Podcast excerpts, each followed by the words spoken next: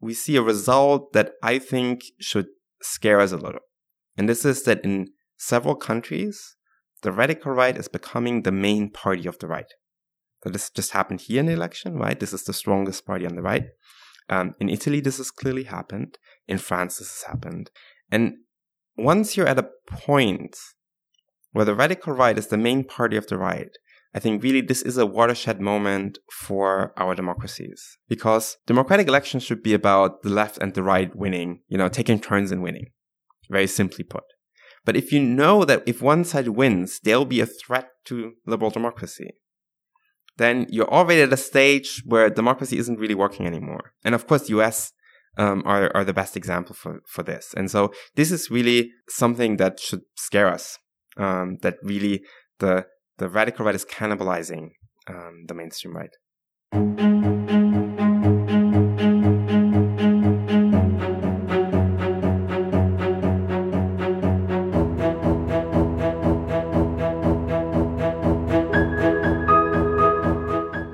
Hi, everyone. Welcome to the SRV podcast. My name is Armin Hakhverdian. I'm a political scientist at the University of Amsterdam. Joining me in person, making his long awaited return, is Tarik Abou-Chadi from Nuffield College, Oxford. Tarik, welcome. Hello, Armin. Good to see you. What are you doing in Amsterdam? Um, it's great to be here in person. First time on yes. the podcast, actually seeing your face while I'm recording it. Absolutely. Um, I'm currently a fellow at the Netherlands Institute for Advanced Studies, or I've been here for four months now. Um, and so I've been in been in town and could come to the office to record or the studio to record the podcast. the studio, yeah, we're squatting someone else's office. It's very busy at the office today because we have Christmas drinks later today, so suddenly everyone's here.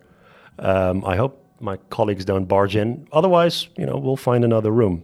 Um, so you've been on the on the podcast before uh, to talk about the decline of social democracy. We've talked about German elections before. We've also talked about this very sort of um, prominent discourse about um, the higher educated uh, capturing the left and, yeah, exactly. and, and the consequences for for party politics. I mean, those those podcasts are all in the feed that people can listen to. Um, I wanted to start with getting your update on German politics. There's a couple of things that are happening there, which I think also will resonate for for Dutch listeners. One is the increased popularity of the AfD, the Alternative for Deutschland, not just in the polls, but also in uh, regional elections. Uh, so it's not just virtual seats; it's actual seats they've won. So that's one. Well, why is the why is the AfD surging? And then the second is this interesting sort of new party of uh, Sahra Wagenknecht. Um, let's start with the AfD. What's going on there? Yeah. Um, so it's been really a, a somewhat dramatic uh, development in the last, I would say, year, year and a half. So we've had this new government for two years now called the Traffic Light Coalition, um, which is the, the Social Democrats um, heading the government with Olaf Scholz and then the Greens and the, the business oriented liberal FDP forming um, this government. And this government's been very unpopular. Um, so no one likes this government at the moment also no one like Scholz. Um, and so they've really been going down in the polls. And the party that benefited most from the this lack of popularity of, of the government is the Alternative for Deutschland, so the, the radical right AfD. And they're currently polling at 20, 22%, um, which is a lot more. They re- received about uh, 12% in the, la- 11% in the last election. Um, so they've really been gaining in the polls. Um, they also received record results in state elections in Bavaria and in Hessen. Um, in Hessen, over 18% of the vote, which is really um, record territory for them in uh, in the west of Germany. Um, and so they're they're polling 20% nationally, but then even more extremely in um, states in the former East, so Saxony, uh, Thuringia, and so on, um, they are polling close or over 30%, and there will be three state elections in Thüringen, in Brandenburg, and in Sachsen-Anhalt. And there is a, um, especially for Thüringen, people are um, expecting them nearly to come out as the strongest party. Um, so I guess we're seeing something in Germany that has happened in many other European countries as well. Um, Germany, in a way, is, is catching up. But I think it's important to to emphasize that the AfD really is a is on the extreme side of the radical right party family um, in uh, in Europe. They have strong ties to neo-Nazi movements, um, and so what we're really seeing is this is this rightward shift in German politics. The current uh, coalition government, uh, Social Democrats, Greens, and the FDP, I suppose the Dutch equivalent would be a coalition, the Labour Party, Green Left, and then the D66 probably. Although um, maybe the, the, the, the FDP is a little bit less progressive on, on, on let's say, cultural second dimension issues, but, but that's the closest I can think of. Um, the question would be where are these voters coming from, the AFD voters? If you look at polling or if you look at sort of voter flows in, in elections, uh, are government voters flocking to the AFD or where are they getting their support? Yeah, some government voters. So there's a consistent block of, of, of AFD voters now in the German electorate. Let's say that this is somewhere between 10, maybe 15%. These are largely people who already shifted from the mainstream right, so CDU, CSU, but also smaller right wing parties um, and non voters, right? People who have basically never voted before. Um, they are not, and I lo- love to emphasize this, and we know this based on panel data as well. They are not former social democrats. This is an idea that's very popular, but it's just not true current radical right voters are not former social democrats. That idea will never go away. No, we're, so we're, trying hard, but, but absolutely, uh, it, it, it, it, sticks. Well, now there's this new wave of increased support, um, and there they're gaining a bit from everywhere. Um, so not from from the Greens, I think this is clear. Um, but actually, they are gaining from the from the Free Democrats, so the FDP, quite a bit. Um, also from the left party, and then we'll talk about Sahra Wagenknecht in a second. So really there is a is a anti-government protests type of mm-hmm. um, wave going on. This is really the, the the cyclicality of the support of of the radical right, and we just see this uptake right now with not necessarily the diehards moving over, um, but this, these are really people who are unhappy. They're unhappy with the government. We know this? It's it's a simple rule. Government's unpopular. People support the opposition. The question then is which of the opposition parties? And the CDU CSU has really shifted toward a more cultural discourse. Um, and we'll talk about this later, I'm sure. And then also, again, the left party is really in shambles. So these are the three opposition parties. And this is why um, the AFD is currently, currently gaining in the polls a little bit from everywhere. So there's a, there's a pool of people that are dissatisfied with the government. They're not going to the CDU, CSU, maybe also because they see that as a mainstream party. They've been part of the establishment for so long but the CDU CSU is trying to get some of the uh, nationalist nativist vote by itself emphasizing those issues, uh, kind of like the VVD tried to do in the Netherlands. Uh, yes, there's a similar movement. Um, people might remember, right, CDU under Angela Merkel, Wir schaffen das, especially on, on immigration, um, a quite I would say centrist position, uh, Christian democratic, actually emphasizing yes. the C in this yeah. uh, position uh, when Angela Merkel was in power. And they've certainly moved away from this. And Friedrich Merz, who's the new party leader, has really moved the party away from this position. Um, there's much more culture wars rhetoric, um, right? Lots of kind of like new regulations in the state on the use of gendered, non-gendered language or gender inclusive language. Um, and all these things that are very typical. You know, you think you can, you can own the libs, but what you do is, of course, you provide an issue agenda that's very beneficial for uh, the radical right. Yeah, there's also, of course, the possibility that that disenchanted voters, and especially those who are struggling to pay the rent or to pay their energy bills, that they actually take out their political frustration by shifting towards a more radical left party. Why has that not happened in Germany? Um, this, this, is a very interesting question. I think this is a puzzle we actually see in Europe um, nearly everywhere. Um, I actually ran a very simple data analysis recently with with uh, some survey data we had, and you can really see that the that people who are worried about inflation and you know price increases, they have a much much higher probability to vote for the AfD. Um, and you can really see that that sentiment channeled into into radical right support. And I think I would say this is to a certain degree still an open question in political science. The the question why economic secu- insecurity leads to more radical right support and not necessarily to more um, radical left support. My answer that I usually give is that it has something to do with wanting to change the rules of the game. So these voters aren't satisfied with policy solutions anymore.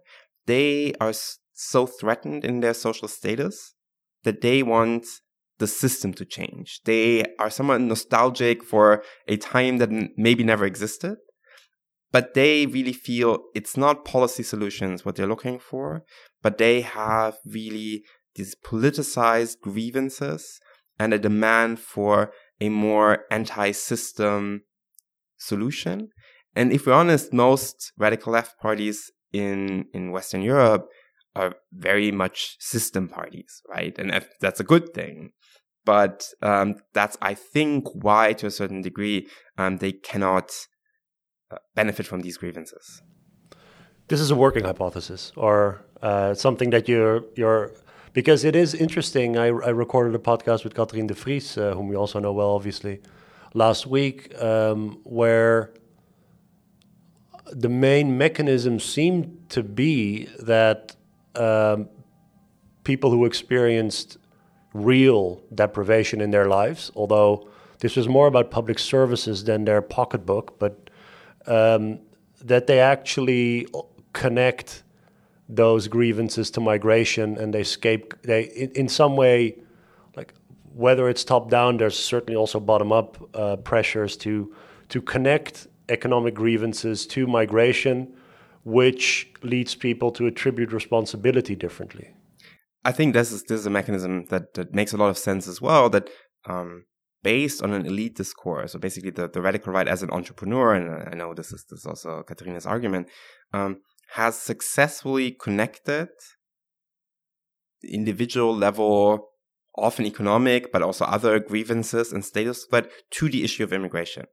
Um, and, and that we could see this in, in, in the Dutch election as well, that many issues were connected back to the issue of immigration to the Netherlands, right? For example, housing shortages or the conflict in um, in Israel Palestine. All these issues were turned into domestic policy issues that are linked to immigration, and this is something that then ov- obviously the the radical right benefits from. Um, I think both things can be, be true at the yeah, same absolutely. time. Yeah. There's not going to be one one uh, one cause, um, but it's certainly something that is also puzzling me.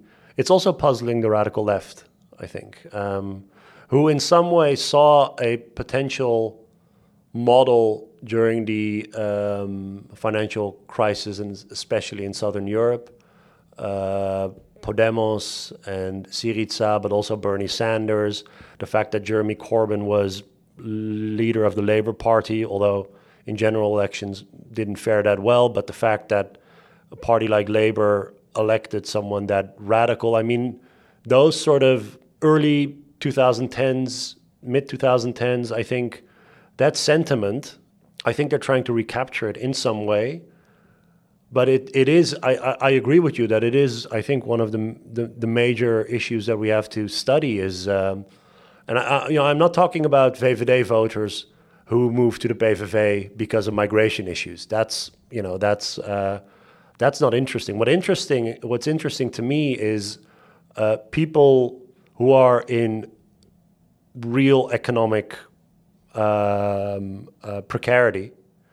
And many of those actually don't vote. Those are the most precarious ones. I mean, the ones that do vote are already one one level less vulnerable. But but why those people make those decisions? And uh, there's not going to be one answer. On the countryside, might be different than in a city or or whatever. But there is something there.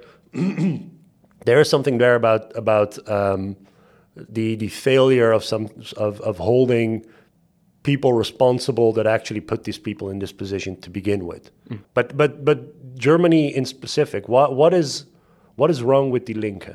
Mm-hmm. Uh, where to start? um, you, you, you pick a pick a mm, place to yes. start. Um, so the the Linke, and you have to understand a little bit of the the history of the party to understand what's what's going on right now. So the the Linke has been a merger of two parties or a party and a movement more. That's the um, PDS, the former PDS, that um, has its basis really in the uh, in the former East, um, and was there a quite established party.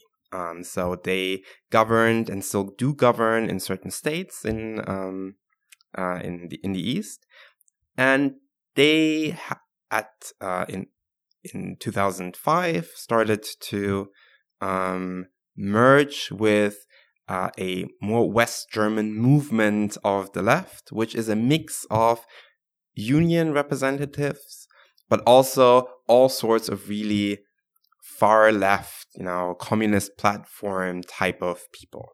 And so this is still the party today. Um, and so you had a, you, you always had this mix of people who are doing kind of left realpolitik from the east with all sorts of um, people from from the west. Um, and this is really uh, where the party comes from. Then there's also a generational question. Um, many of these East German voters, but also activists and so on, are really old now. Um, and then more younger supporters of the left are really in cities are people who are much more left progressive um, than this traditional, let's say, communist or left authoritarian type. Um, and so you have you have this merge, and this always created internal conflicts, and this has never really gone away. And then there was one internal entrepreneur that really um, personally tried to benefit from these conflicts, but also now increasingly really just um, fueled conflict in the party. Um, and this is Sahra Wagenknecht that you, you already mentioned, who has already always been a very popular figure in that party, someone who comes from the West and exactly this communist platform traditionally. Um, just someone who's very eloquent, has always been in talk shows, um, and and and had a much bigger brand recognition um, than the party, and by now nearly any uh, or really every other politician in that party. There's no one as well known in the party as Sahra Wagenknecht. And so she at some point decided to really take a different turn in terms of her policy orientation and to focus on what we would call a left authoritarian uh, perspective. This means emphasizing still left wing economic issues, but she then really went on a, you could say, anti woke um, crusade, wrote a book about what she calls the lifestyle left. Biggest enemy are now the Greens, and um, all people, you know, like us, um, that are, that live in the big cities, academics, um, and care about things like gender equality, the environment, or LGBT rights. Um, and her idea was really to move the party toward this more left authoritarian uh, quadrant. So, how is uh, her party doing in the polls? Is it clear where her voters come from, even though she hasn't fought any elections yet? So, because it is not really a political party yet. So Germany has very strict rules on what a political party is. It's uh, in the constitution. Um, so technically, it's not a party yet, and so there isn't much polling around it. So it's currently it's an, an organization, but they want to run in elections next year when the split happened, there were a lot of this like these speculation polls, right? That we know you really have to take with a grain of salt, or rather like ten grains of salt, however you say that. Um, and there the the potential was around ten percent or so, but that would be extremely high, I think. There is some research digging more into who these voters are, and the interesting finding is that this new party mostly competes with the AFD, so with the radical right. So they're much less a threat to the left, but really potential voters of this new political parties are currently supporters of um, the AFD. And even some of the mainstream right CDU, especially in, in, in the German East, um, the voters, the potential voters of that new new political party are currently rather supporting the mainstream right even than um, any party of the left. That's interesting. So the, the, the Social Democratic voters do not go to this party, despite the fact that Sahra Wagenknecht seems to be adopting a more I don't know, Scandinavian model of social democracy. Yes, that's what, what it looks like, right? Again, there's some research on this. This is very consistent with all the research we do on social democratic parties. So we find that in the potential social democratic electorate, there really is no appetite for this left authoritarian strategy. Um, we find that when social democrats in experiments that we do move to the right, then they really lose support among their potential electorate. And so we know that there are these left authoritarian voters in the electorate, but they're already much more the potential of the right than the potential of the left.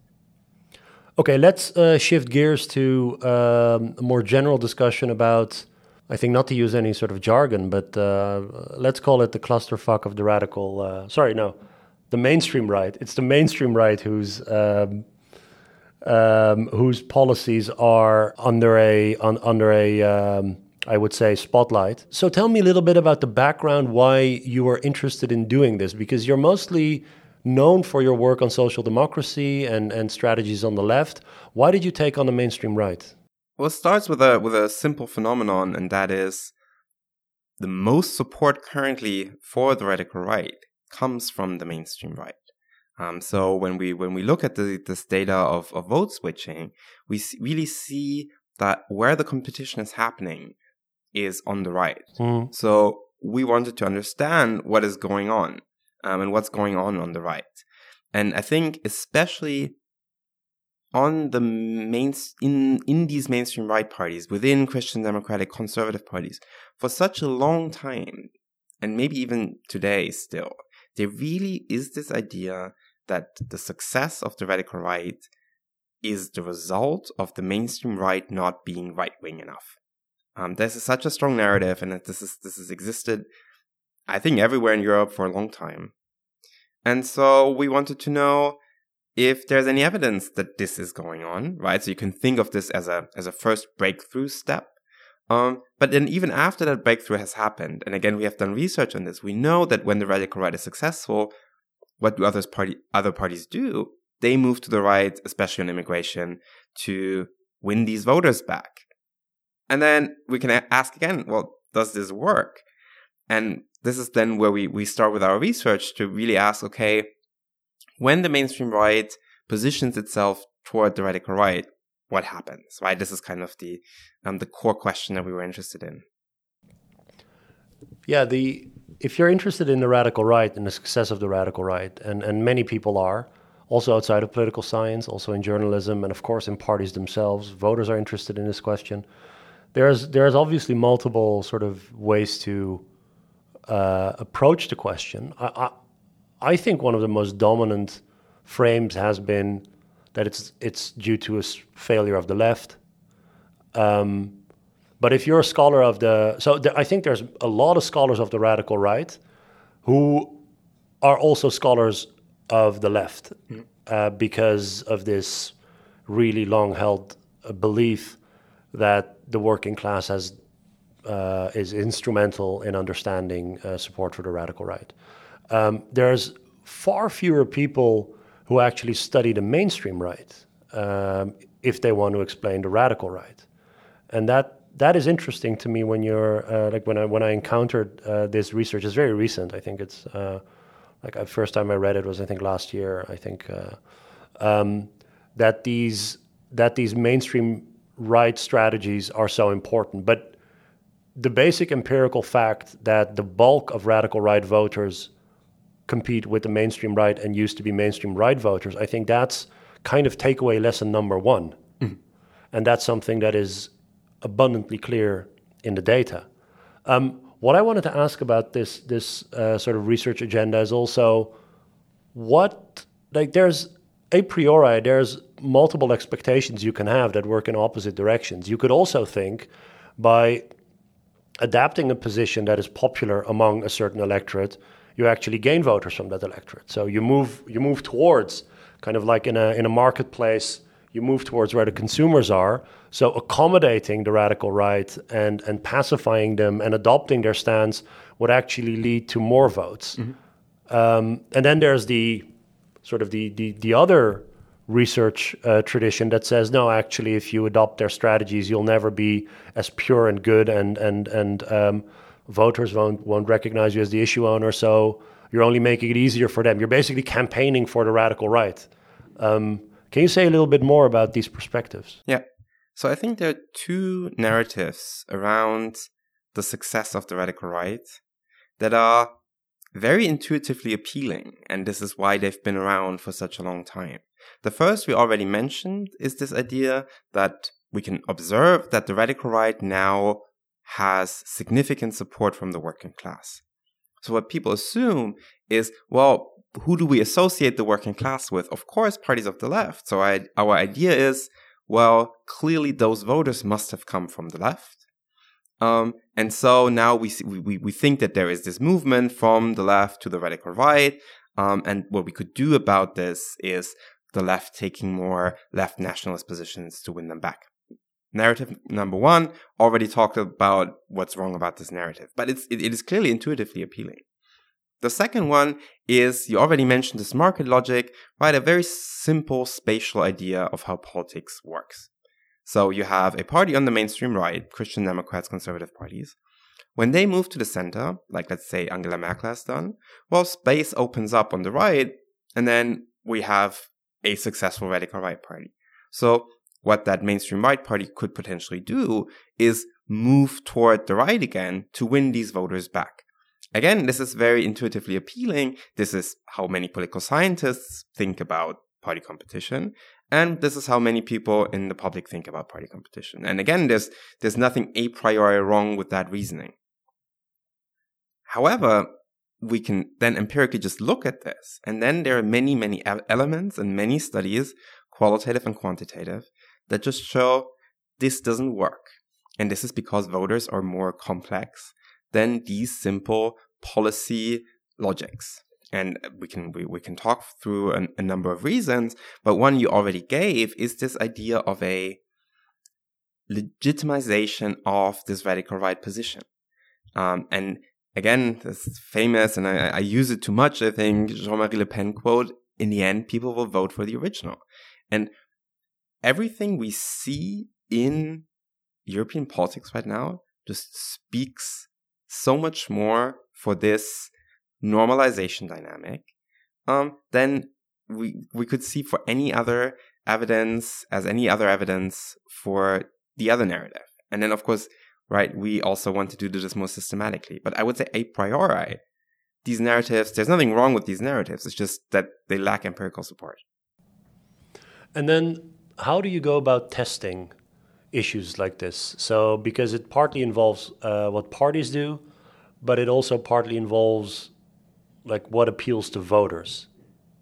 So, we usually have two strategies. We kind of have a broader, let's say, what let's look at what the pattern is, and then additional evidence on um, voter movements and also smaller pieces of evidence around this that also other people have done.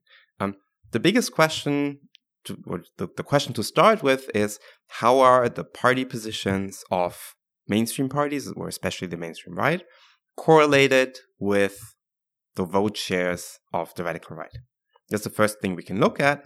Um, so we in, in, in our studies we use manifesto data. Other people also use, use other data, um, and we can measure where the mainstream right is on immigration. And when we can test, well, when they move to the right, does this weaken or strengthen the radical right. Mostly on average, you find that there's no effect.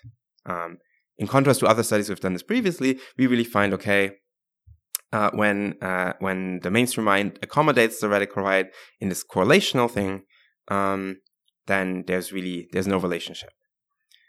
And then we can dig deeper and actually look at voter movements. So we use election studies that ask people what did you vote for in this election? What did you vote for in the last election? And then based on this, we can construct these patterns of vote switching. And then you can do some fancy statistics that often my, my colleague Denis Cohen uh, does, who's much better at this than I am. And um, you can then you can estimate how likely it is that these switches happen, and we can calculate different kind of quantities. So net losses or gross losses to the radical right, right? So what happened? How many people move from the mainstream right to the radical right? How many people move from the radical right to the mainstream right? And then kind of what is the balance of this? Also, that is yeah. so, so that is so important that people understand that um, any sort of movement of a party can result in losses somewhere and but also in gains. Yeah. And it's not just about the gains you potentially get, it's also, especially in a fragmented party system, you lose to other parties. Then the question becomes: Is it worth it? But it's it's a it, you live in a fantasy world if you think that oh it's costless to move even though more voters are somewhere else because you're, you're losing voters left and right. And then the question becomes what's the balance? So I just wanted to sort of highlight how important it is that you, you, you look at both gains and losses. And that's something that's absent from a lot of public discourse. Yeah. It's even more complicated than this. So you can, now, of course, look at the relationship between, let's say, mainstream right party and radical right party, and then gains and losses. You can also look from the mainstream right, then when they move, they mm-hmm. lose to other parties. But again, this movement, for example, could politicize the issue. And because of that politicization, the radical right gains more from non-voters, right? So these patterns are very complicated. I sometimes feel that the publication of these vote switching graphs on election day doesn't necessarily help public debate around these issues because it is much more complicated um, than these graphs imply. Um, and much political commentary works around these graphs. So actually, we're uh, we have published, it's about to be published, also a more conceptual paper on, on measuring and using these this vote switching data in political science and really what the quantities are that we should be interested in, um, which then gets quite technical at some point. But I think it's really important to see the the multidimensionality of these movements, um, and that just looking one direction is um, is not enough to understand what's going on. So, but what if you look at so one what what does one direction mean? Where where did the votes come from? So very often, what people do is depending on the question.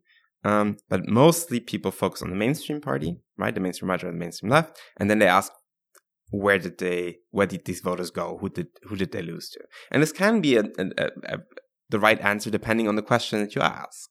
Um, but very often, right, we, we are more interested in the net outcome of bi uh, directional competition, right? Do you gain vis-a-vis that party or do you lose vis-a-vis that party depending on your strategy? So to give an example from the uh, uh, last election, the uh, the one that we have a few weeks ago, if you look at where the uh, PVV voters came from. There's um, well, there's four main conclusions you can draw uh, based on based on the the voter flows, and then you, you tell me uh, what you would add to that. Um, so one is they were able to rate, retain a large percentage of the previous voters, which is already a big achievement in in a time of volatile voting. So that's one. Second is non-voters was a substantial group. The third one is uh, all sorts of radical right uh, competitors who flock to the PVV. So Forum, Ja21, parties like that. And fourth is the VVD. Mm. Uh, parties that uh, deserted the VVD, 2001 VV, uh, 2021 VVD voters uh, going to PVV. So those are the four main sort of components of this voter flow. Yeah. Um, what what is missing there for you, or what sort of quantity would you would you add? Yeah.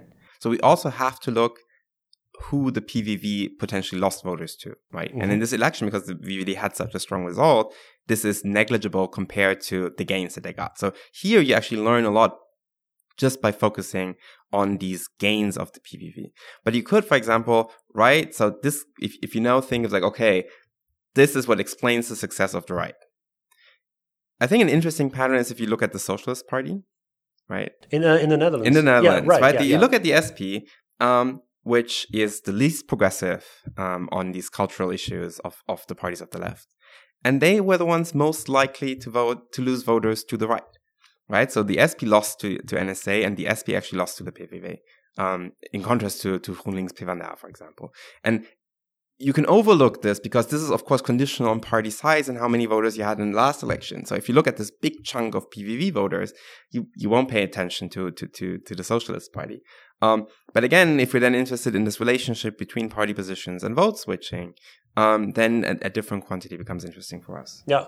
Okay. So let's go back to the uh, the mainstream right. So um, uh, parties can move, and they can. So you said you're using uh, data derived from party manifestos, which is very popular data to uh, to infer party positions. You can use other data, obviously, as well, but but it's about the position. Um, and then uh, your results show that accommodating the radical right, or uh, uh sorry, adopting a more uh, restrictive position on immigration or a more right wing position on immigration um, uh, does, does not help the mainstream right.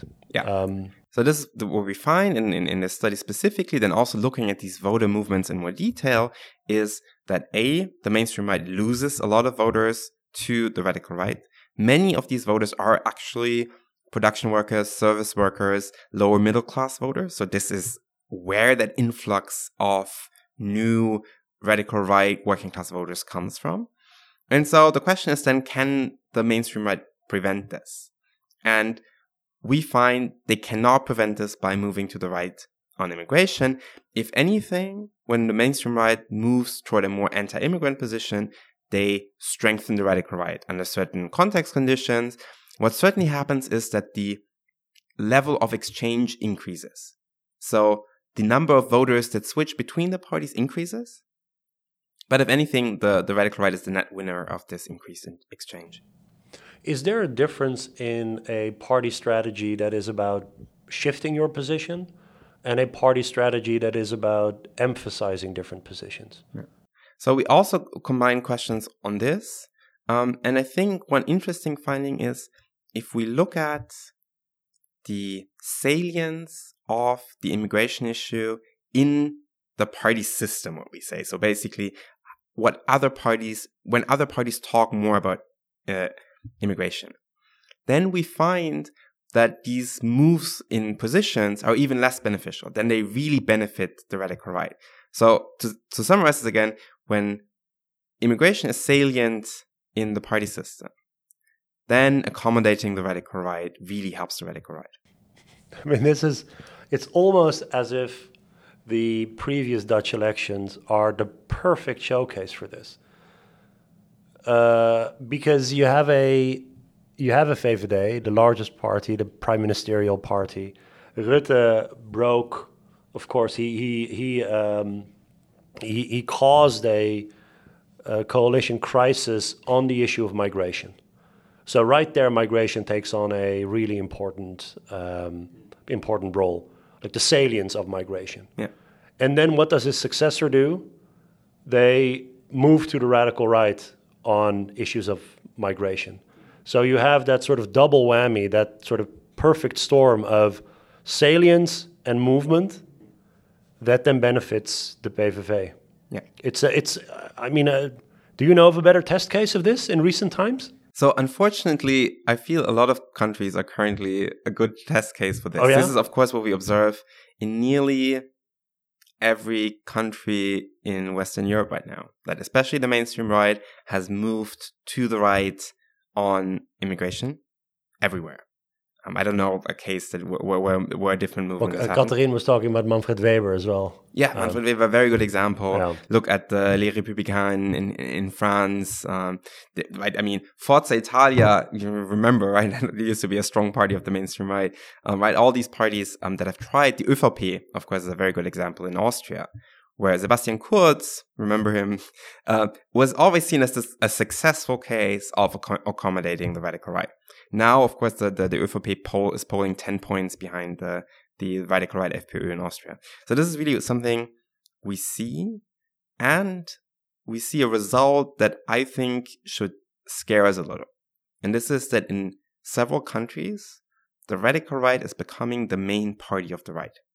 So this just happened here in the election, right? This is the strongest party on the right. Um, in Italy, this has clearly happened. In France, this has happened. Um, in the Republican Party is yeah. in name the same party, but obviously is very different yeah. than, than 20, 30 years ago. And uh, in, in, in Sweden, we see that the Sweden Democrats had a stronger result in the election than the moderates. And now in the polls, this is even becoming stronger. And once you're at a point where the radical right is the main party of the right, I think really this is a watershed moment for our democracies. This is a watershed moment for liberal democracy because democratic elections should be about the left and the right winning, you know, taking turns in winning, very simply put.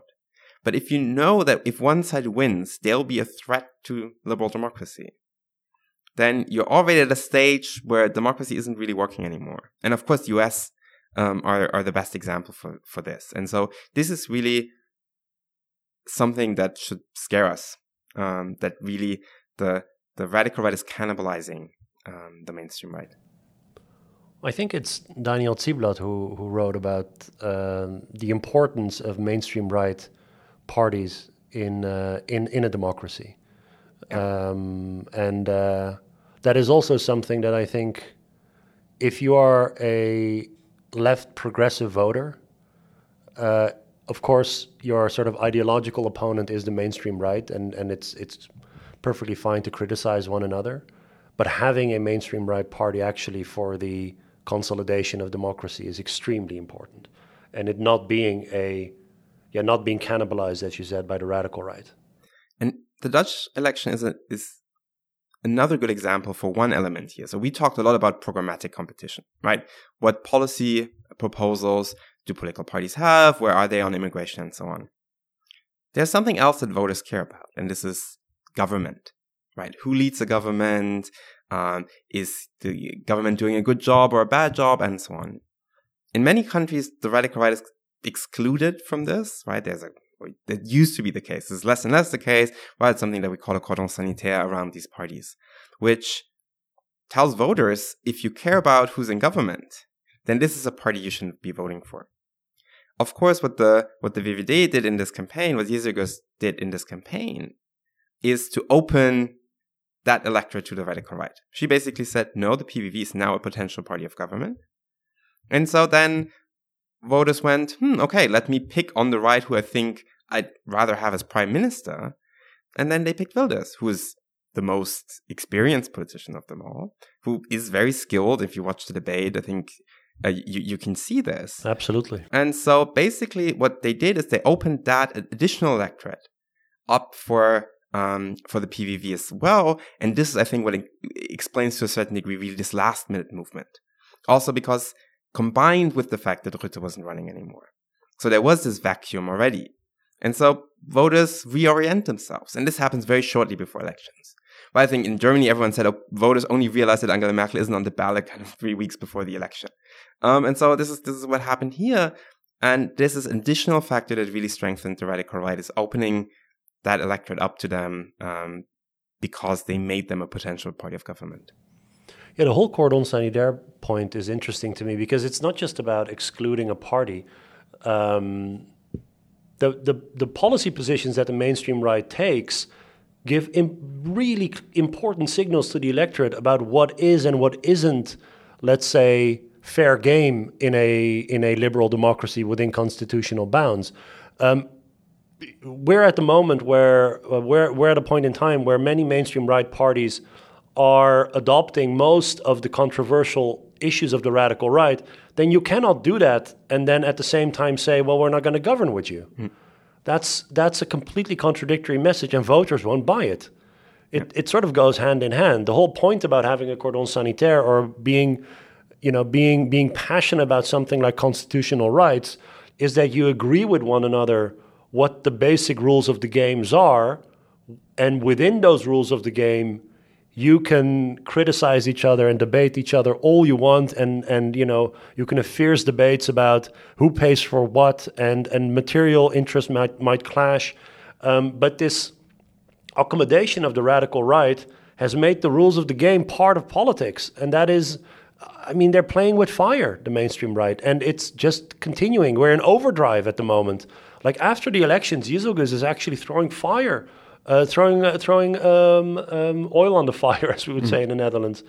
Um, and it's a really risky game to play. Yeah, I agree. Uh, my my colleague Vicent Valentim actually has a forthcoming book on on the normalization of the radical right. Um, and one one thing they show is exactly what we've been talking about. So when the mainstream right takes positions that we usually associate more with the radical right, like strongly anti-immigrant position, then you can really see how this normalizes the radical right and it makes a difference. It makes a difference who takes these positions. Um, and it makes a difference when actors that have had a different kind of reputation, that are regarded in a different way, um, take up these positions. And then it really has this process of legitimizing, normalizing the radical right. And then we are exactly in the situation that, that we are observing in many countries right now. Is then, then voters are, well, where's the difference in the end? And then they end up going for the the radical right, and this can have many reasons, right? I think this going for the originals is is, a very um, is a shortcut to understanding what's going on. It has something to do with that the radical right more consistently takes this position, right? So the mainstream right, there are more moderates in, in, in most mainstream right parties. And of course, then there's a, there's a conflict about this. They still see themselves as parties of government. So they think more about international integration, all these um, things that we associate with, with, with responsibility. And the radical right just can get go full on for responsiveness, right? This is this is the populist element. This is the this com- combination, this dangerous combination of authoritarian nativism and populism. They can just go, we are the party of the people. We are going to represent this. Vote for us, and we pretend that all these other things like international integration just doesn't matter, right? What the courts say doesn't matter. Um, the constitution doesn't matter. Um, and this is, of course, in a way more appealing than the than the meandering around. Actually, we, we kind of taking the same position on immigration, but we also um, take into account how then maybe this doesn't work because we're part of the the EU or we are part of international treaties and so on. Because there are rules, yes. Um, one one thing I, I forgot from from what I read in your research is also one factor that that plays into the hand of the radical right or makes accommodating strategies less successful is it depends on how established the radical right wing party is. And you mentioned previously, Wilders is the most experienced of them all.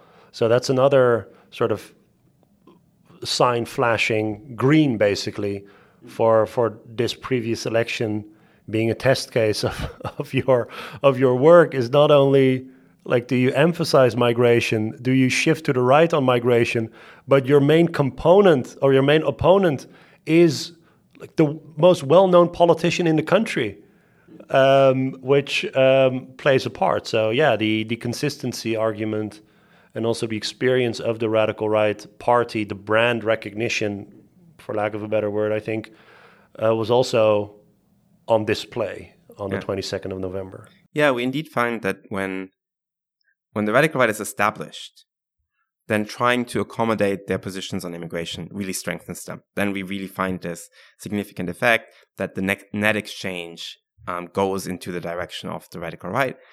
And that makes intuitive sense, I think, right? So this, this party has been around, their personnel is established and recognizable. And then you take the same position as them. Then of course the question is, well, who's going to do it better? Who's going to deliver for me? Um, and the radical right in, in, in many countries really has been doing well in terms of reducing the infighting, having this one recognizable figure um, that is a skilled politician. And I mean, everything that has happened right now really doesn't bode well for the next French election, where I think Marine Le Pen really is is is the front runner from everything um, I can come up with, because exactly this, she will be the you know she she'll be the, the the elder stateswoman in a way in, in the room because she she will have been around longer than basically anyone running except for maybe Jean-Luc Mélenchon but I think we're also it is very clear if a runoff is going to be Mélenchon versus Le Pen then Le Pen is, is going to win that election because she's become so normalized for the center um, that they the center will go with the radical right rather than the radical left. And even even if the second round is between Le Pen and uh, whoever mainstream candidate, you think that Le Pen in the second round might actually pull it off this time? I mean, we're four years away from the yeah, election, and as a big speculation. the way things think, are going, yeah, but I think every, every every everything I said in this podcast, I think uh, really speaks yeah. for uh, for Le Pen in the next election. It, it applies to France, yeah. So, um, what are you what are you working on at the moment?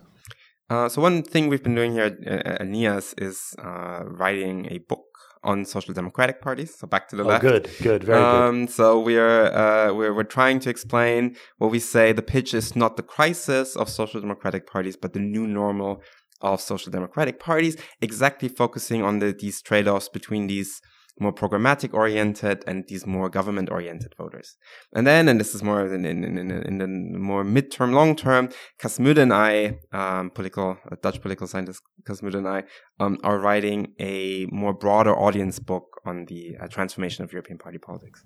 Excellent. People can follow you on uh, on Blue Sky, I believe, but also on Twitter still. Oh, sorry, X.